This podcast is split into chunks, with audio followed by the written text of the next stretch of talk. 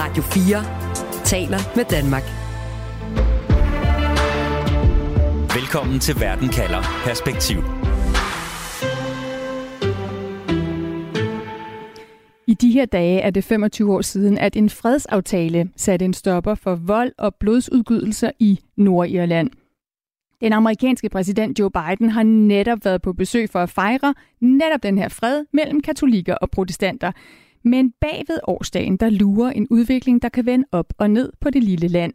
En demografisk revolution er nemlig i gang, hvor katolikkerne pludselig er blevet flere end protestanterne, og de britisk sindede derfor er ved at komme i mindretal. Og spørgsmålet er, om Nordirland har kurs mod en genforening med nabolandet Irland, et århundrede efter, at de to blev delt. Derfor spørger jeg i dag, bliver Irland genforenet? Jeg hedder Stine Krohmann Dragsted. Velkommen til Verden kalder perspektiv, hvor jeg stiller et spørgsmål, der giver dig perspektiv på verden omkring os, og på 30 minutter giver dig et svar. Du lytter til Radio 4. Og også velkommen til dig, Henrik Vi, professor i antropologi ved Københavns Universitet. Henrik, du har boet i Nordjylland og studeret protestantiske grupperinger i hovedstaden Belfast. Mm-hmm. Og øhm, for 25 år siden, der satte langfredag-aftalen punktum for årtiers blodige konflikt i Nordjylland. Og i aftalen, der åbnes der op for, at de to lande, Irland og Nordirland, en dag kan blive genforenet. Henrik, er, er, er det blevet mere eller mindre sandsynligt siden dengang en genforening? Jamen, der, altså, der er flere ting, der gør det mere sandsynligt. For det første, så er der, som du selv siger, en demografisk udvikling. I øh, 2021 var, så vi for første gang, at der faktisk var, var flere katolikker end protestanter i Nordjylland. 45-43, tror jeg, det var i katolsk øh, favør. Øh, og det er bemærkelsesværdigt, fordi i 1921, da, da Nordjylland blev etableret, øh, der var der to protestanter øh, øh per katolik. Øh, og, og det var med vilje. Altså Nordirland er lavet sådan, så protestanterne troede, de ville beholde øh, majoriteten som sådan. Så på en ene måde, så, så kan man sige, at demografisk er det mulige, er, er der noget, der, der peger derover. Øh, den anden mulighed for det øh, øh, ligger i, i forhold til Brexit hvor man har set nogle, nogle forandringer i forhold til nogle meningsmålinger og så videre, men, men hvor, hvor der også er flere folk i Nordirland, der er begyndt at tænke, ja, det kan jo egentlig godt være, at, Irland som land øh, tilbyder os mere og kommer til at tilbyde os mere, end, end det at holde fast i Storbritannien gør. Altså fordi, at hvis man bliver en del af Irland, så kan man simpelthen også forblive en del af, af EU og droppe ja, Brexit. præcis. Mm. Og fordi Irland klarer sig godt. Altså det klarer sig godt lige nu som land. Jeg vil også gerne lige byde velkommen til dig, Michael Bøs. Du er historiker, forfatter og ekspert i irske forhold. Velkommen til Verden kalder. Tak skal du have. Michael, øh, hvordan vil en genforening overhovedet kunne se ud sådan helt lavpraktisk? Ja, altså, nu er jeg for det første lige sige, at jeg er uenig med, med, hvad der lige er blevet sagt. Sandsynligheden for en genforening er ikke særlig stor, og det kan jeg godt begrunde om lidt. Men øh, selve det spørgsmål, så det er måske lidt tidligt at tage fat på, hvordan et, en, et forenet Irland skulle se ud. Um, det er meget kompliceret, hvordan man skulle kunne skabe et forenet Irland, øh, hvor man ikke ville få en hel masse problemer, politiske problemer, mm. problemer med vold, problemer med konflikter mellem de her to store befolkningsgrupper i Nordirland. Øh, hvis du tager udgangspunkt er, i den, der er, i, den, må jeg bare spørge dig, hvis vi tager udgangspunkt i den langfredag-aftale, der, der satte mm. det her punktum for 10 års i konflikt, og som jo åbnede op for, at der kunne være en genforening, hvordan sådan bare helt altså lavpraktisk blev der så åbnet op for det? Altså hvilke Nå ja. måder er der, det kan ske på? Jamen altså, det der ligger i langfredagsaftalen, det er, at der kan ske en forening af de to Irlande, hvis der er et flertal af befolkningen i både republikken og Nordirland for det. Og det vil sige, at der er kun én vej til genforening, og det er gennem en demokratisk enighed, altså ved at der skabes et demokratisk flertal for det. Øh, som det ser ud i øjeblikket, og det er der foretaget meget grundige målinger på, der er der ikke noget, der tyder på, at der er et flertal for det i Nordjylland. 50 procent af vælgerne i Nordjylland, de svarer, at de ville stemme for en irsk genforening. Øh, øh, at de vil stemme mod en irsk genforening. Og, og, og der er det så og, og, undskyld, vigtigt... Michael, jeg vil meget gerne vende tilbage til de tal øh, og spørge dig helt specifikt til dem og gå ned i, i dybden med dem. Men, men, men altså, altså det, der er svært at forstå også, bare sådan, hvordan kunne det her forekomme? Der skal en afstemning der skal til, der skal være et flertal i både Irland og Nordirland. Hvordan vil det se ud? Altså, hvis Nordirland skulle de blive totalt integreret i, i, i republikken, eller hvad er mulighederne for en genforening? Jamen altså, som sagt, der er forskellige, der er forskellige muligheder. Altså man kunne jo, altså den mulighed, som vi forestiller os, fordi vi også tænker måske på genforeningen af Tyskland, det var, at der så blev skabt en ny stat, en ny øh, enhedsstat. Øh, og det er jo sådan, som mange forestiller sig også, når der bliver stillet det her spørgsmål om genforening. Det vil sige, så skal der så skabes et Irland, det Irland, som mange forudså ville blive skabt i forbindelse med øh, hjemmestyrespørgsmålet helt tilbage i øh, begyndelsen af 1900-tallet. Og det vil sige en, et Irland med en centralregering placeret i Dublin, øh, og øh, hvor alle dele af, af øen, alle øens dele, så var selvfølgelig underlagt den centralregering.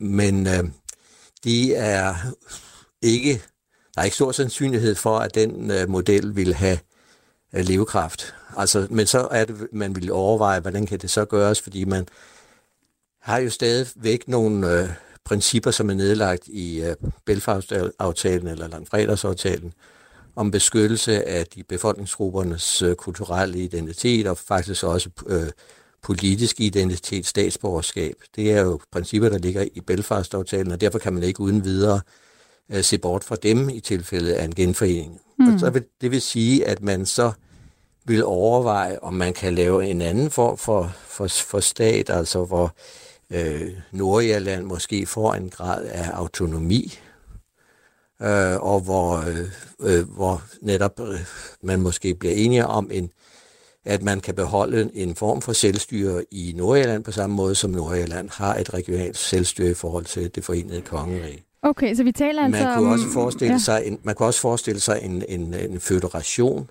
mm. øh, hvor, hvor man simpelthen øh, har en centralregering, og så har man en regering for Sydirland og en, for, en regering for Nordjylland, og så mm. deler man øh, op, øh, hvilke ressorter, hvilke områder, som centralregeringen skal tage sig af, og hvilke områder de to andre regeringer tage, kan tage sig af. Man kan også have mere løs form for stat, det man kalder en konfederation, øh, hvor øh, igen man bliver enige om øh, i Nordjylland og i republikken om at øh, skabe forskellige fælles institutioner, som, man så, som så gælder for, for både Nordirland og, og republikken. Så godt. du kan godt høre, at det ja, er lidt høre, kompliceret det er spørgsmål. Kompliceret, det er en form for stat, og, vi, det er det ikke. Og at du siger, at uh, vi, altså, vi kan måske arbejde med et kontinuum, hvor vi i den ene del har et Nordirland, der bliver totalt integreret i republikken. Det siger du er usandsynligt. Og så har vi i den anden del af enden sådan en konfederation, hvor Nordirland øh, har en meget høj grad af selvstyre. Lad os vende tilbage til det også, til hvor sandsynligt du overhovedet tror, det er, øh, Michael. Men øh, jeg vil gerne lige først holde fast i det, der var baggrunden for alt det her. Altså, vi har en, en irsk øh, ø, som bliver delt øh, i to for godt 100 år siden. Den irske republik fik sin uafhængighed fra Storbritannien, men den nord, det nordøstlige hjørne af øen forblev altså på britiske hænder, fordi en stor del af indbyggerne der var britisk sindede. Og så op igennem 1960'erne, så opstår der spændinger mellem de to befolkningsgrupper i Nordirland, som resulterer i tre årtier med væbnet konflikt. I 1998 så bliver der så endelig indgået en aftale, der sikrer freden, og som øh, Joe Biden, USA's præsident, er i øh, netop øh, på øen for at, for at fejre her for nylig. Henrik Vi, er der stadig splittelse i Nordjylland i dag? Øh, ja, det er der bestemt. Øh, altså, jeg vil lige starte med at sige, at jeg er faktisk heller ikke sikker på, at det sker. Det, det var ikke det, jeg plæderede for. Øh, og slet ikke forløbig. Men om det kan ske fremadrettet, det der, ja klart, selvfølgelig kan det det. Mm. Øh, men jeg, ikke, jeg tror ikke, det kommer til at ske forløbig. Øh, jeg har lavet mit øh, feltarbejde. Jeg har boet med, med i et område, der er kontrolleret af, af noget, der hedder UVF, som, som står for Ulster Volunteer Force, altså en protestantisk øh, øh, paramilitær gruppe. Øh, og jeg tror, man estimerer lige nu, at 15-30 procent af, af den nordirske befolkning øh, øh, lever i områder, hvor de har øh, kontakt nogle øh, ofte og nogle gange med, med, med paramilitære grupperinger. Øh, og de paramilitære er der, fordi folk er bange, og de er der, fordi at, at der er splittelse som sådan. Altså, der, når du der, siger der, det der med at have kontakt, hvad, hvad handler det om? Altså, at det, man føler, at man stadig på en måde skal have mulighed for at kunne beskytte sig øh, imod øh, katolikkerne eller imod et Irland? Eller hvad? Øh, ja, altså øh, de paramilitære øh, grupperinger lige nu får mm. deres primære øh, legitimitet fra, for, for, ved at stå frem som nogen, der beskytter de nærområder, de kontrollerer. Mm. Så der, hvor jeg bor, der, der er øh, UVF på den ene side af vejen, UDA på den anden side af vejen. De, de står som garanter for, at, at, at områderne ikke bliver overtaget af, af katolske øh, øh, øh, familier, eller mm. altså at bliver en del af et katolsk område. Lad os lige prøve at høre et klip fra sidste uge i Nordjylland.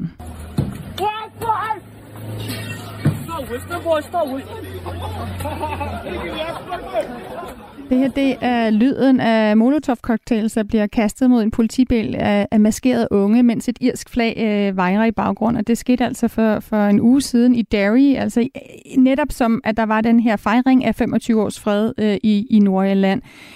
Øhm, øh, Henrik Vi, mm. hvor, hvor meget fylder den gamle konflikt i dag?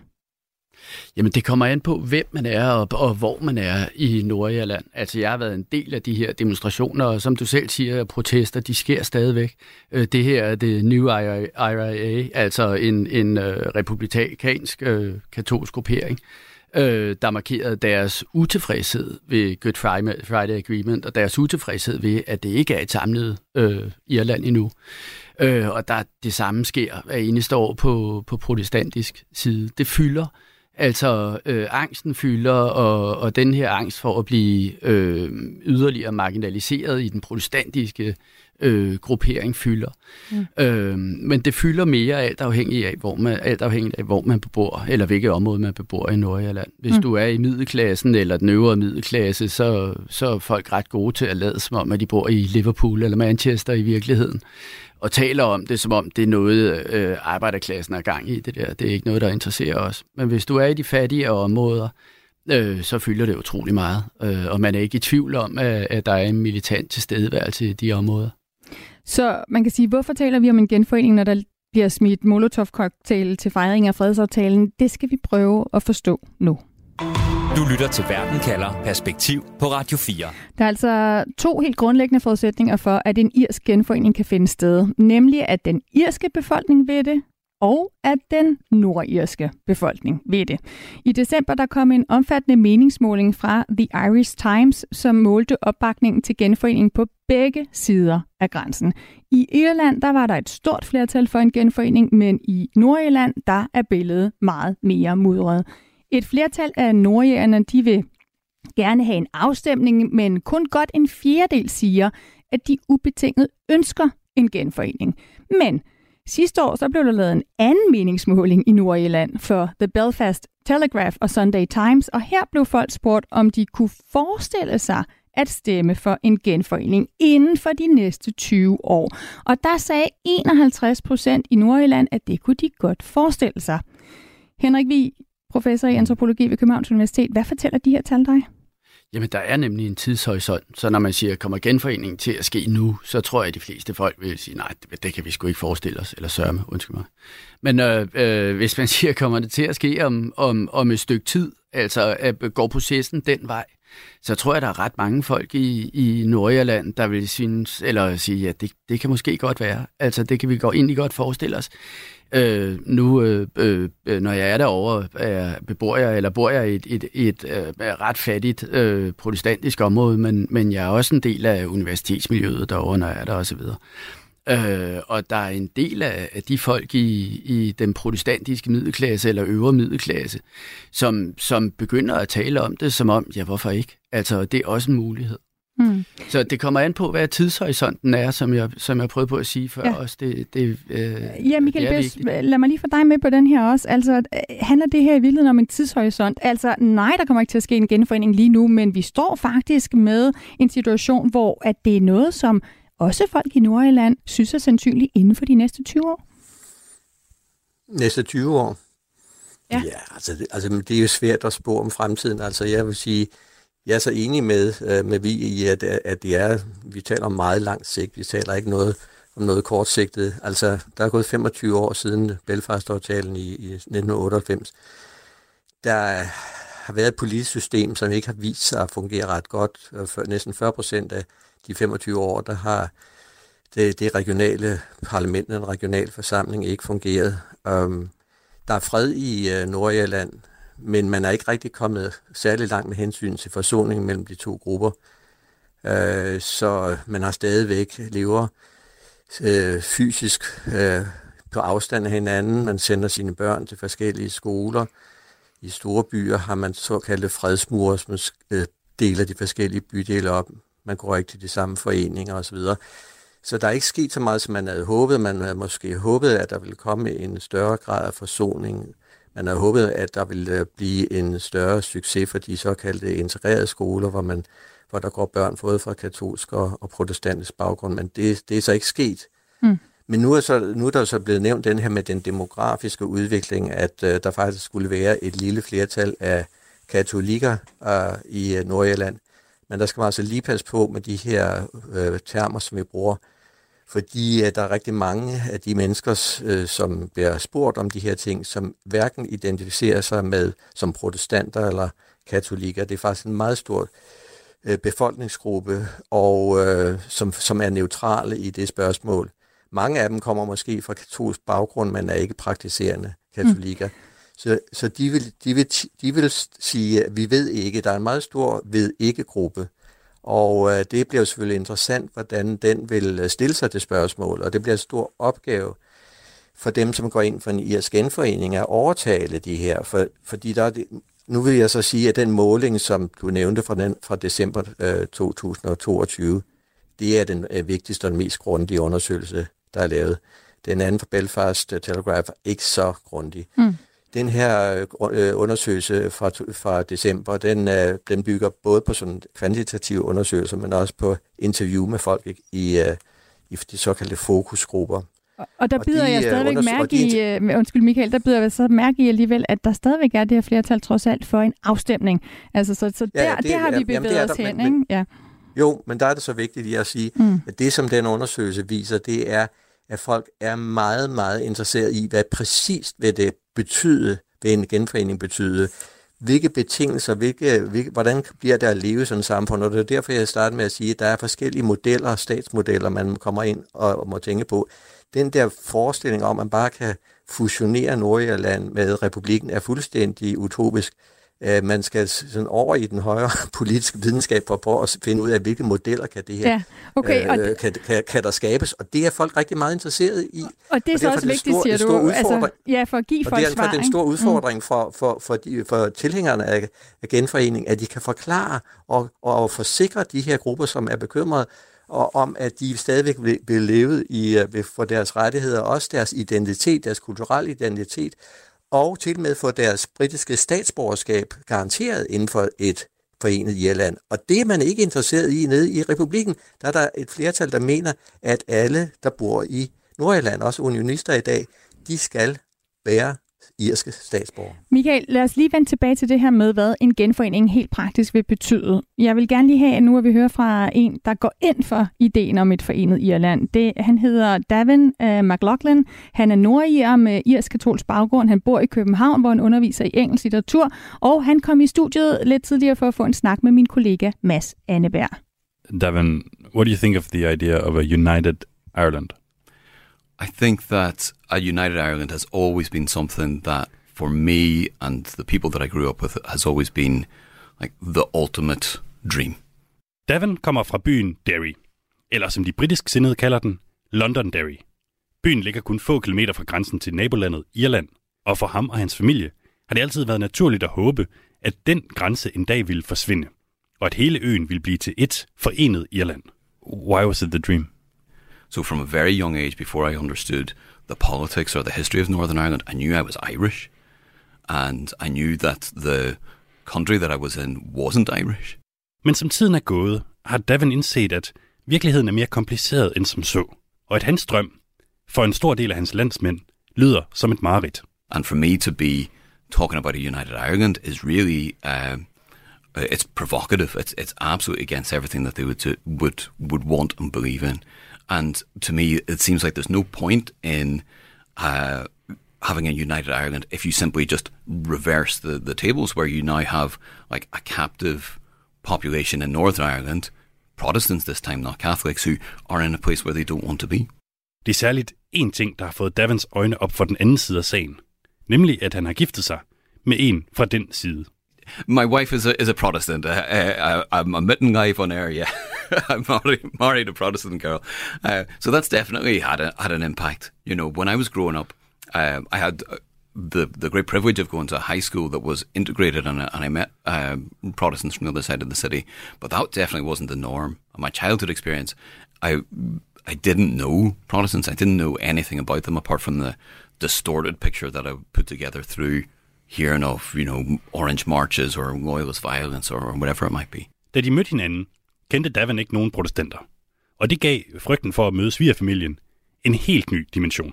And I remember being very, very nervous uh, about about meeting them and thinking that they would uh, be scandalized. Uh, but uh, lovely people, I think my nerves were coming from a picture of Protestantism that was, you know, demonized uh, growing up. You know. I de her dage fejrer hele verden 25-året for fred i Nordirland. Den amerikanske præsident Joe Biden besøgte i sidste uge både Irland og Nordirland, og den såkaldte langfredag-aftale står stadig som et symbol på, hvordan man kan skabe fred. Og for uden selve freden, så var meningen også, at man ville ophæve barriererne mellem de to befolkningsgrupper. Og på den måde er Davin og hans kone jo en af aftalens klare succeshistorier. Oh, oh, yeah, I'll take it for sure. Um, uh, yeah, not many success stories out, out of those 25 years. I, I don't know uh, how much of a celebration it, it felt like. Um, I was back home uh, in Ireland on uh, for the Easter holidays and, and so was back in the country for the, the 25th anniversary of the Good Friday Agreement. And I didn't see a lot of singing and dancing. I saw people that were very, very frustrated that the Good Friday Agreement, um, while it did the, the main aim of it, which was, you know, to stop us killing one another, uh, didn't. We've seen 25 years of, of not fulfilling the promise of, well, let's let's start by putting our guns away, and then see where we go from there. And where we've gone from there seems to be into more deadlock, into more stalemate. Uh, none of the kind of the, the promised in, investment in Northern Ireland that might have made it a place that didn't lead to, you know, angry, unemployed young people fighting in the streets. Langfredag-aftalen lovede fred og fordragelighed. Men indtil videre, siger Davin, har den kun leveret freden. Aftalen fik nordjerne til at stoppe med at slå hinanden ihjel, og det var en enorm bedrift i sig selv. Men de andre løfter om velstand og fremgang er det gået mindre godt med, her 25 år senere. Samtidig så buller økonomien derudad, få kilometer fra der, hvor Davana er vokset op, nemlig i Republiken Irland. Han håber, at der kommer en afstemning om genforening. Men med alle hans nyfundne nuancer, vil han så egentlig stemme ja eller nej? I mean, I would definitely vote for a united Ireland. Yes, sign me up. Uh, but I would want that united Ireland to be a new Ireland, not not just the, the same old stuff. Why do you want it? Why is it a good idea? Well, I can't think of uh, a better people to look after the people of Ireland than the people of Ireland, and I, I would like to be ruled by someone who could pronounce my name. That would be a start. I feel like rule from London has been years of ignorance and neglect. I årvis er Nordirland blevet ignoreret af politikerne i London, mener Davin. Senest i forbindelse med Brexit, hvor det næsten virker som om, at englænderne har glemt, at Nordirland eksisterer. Do you think you're ever gonna get to live in a United Ireland? I like to think so. Yeah, I do think so. I think that one day uh, it's it's coming. Men det skal være et Nordirland, hvor der også er plads til Davins kone, og til alle landets britisk sindede protestanter.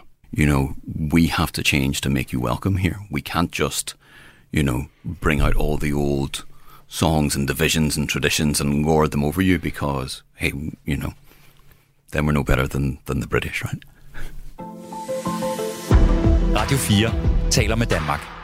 Det var altså min kollega Mads Anneberg, der havde talt med Davin McLaughlin, øh, nordier med katolsk baggrund, som bor her i Danmark, og som altså gerne ser et forenet Irland, men lægger vægt på, at det skal være et, hvor der også er plads til protestanterne, til hans kone, så undertrykkelsen ikke bare bliver vendt om, så at sige. Henrik Vi, professor i antropologi ved Københavns Universitet, du har tilbragt en masse tid i protestantiske miljøer i Nordirland. Tror de protestanter, du har mødt, at der findes en løsning, så de kan blive glade borgere i et eller andet fremtidigt forenet Irland?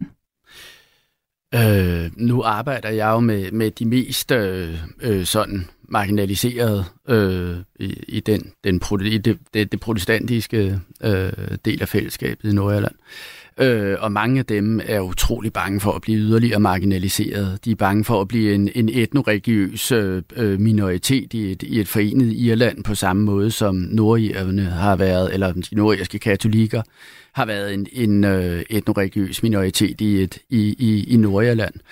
Øh, og de er jo bevidste om, øh, øh, hvad det er for nogle problemer, der følger med den position, kan man sige. Så de er mm. bange for at blive identitetsmæssigt øh, troet og udryddet. De taler meget om, at, at folk prøver på at fjerne deres kultur og fjerne deres øh, muligheder for at, at, at være nordier på den måde, de gerne vil være nordier på.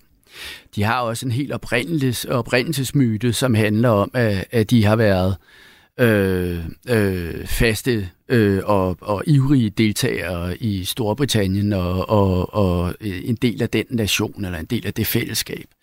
Øhm, så det er så, svært så for hvis dem du at finde skal, ud af. Henrik, hvis du skal ja. have en konklusion på det spørgsmål, jeg stiller i dag, Mm. bliver Irland på et tidspunkt, kan vi sige, genforenet? Hvad vil du så svare?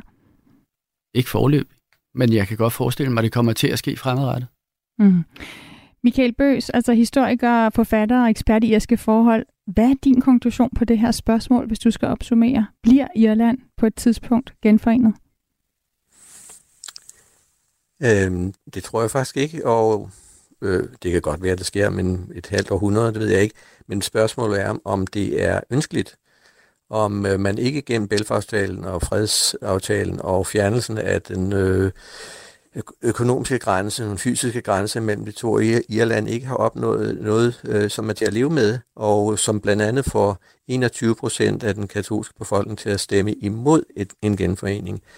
Altså det er spørgsmål simpelthen om, hvordan man praktisk indretter sig, når man har to grupper, som har forskellige ja, oprindelsesmyter, historier, identiteter, øh, om man ikke bedre sikrer de identiteter, sikrer de mennesker inden for, for de gældende grænser, øh, politiske grænser. Øh, man øh, klarer sig egentlig også meget økonomisk. Jeg er mere optimistisk på Nordjyllands vejen økonomisk set, end den øh, ham i øh, interviewet, fordi der jo er en økonomisk samkvem mellem de to Nordjylland i dag, som ikke fandtes tidligere.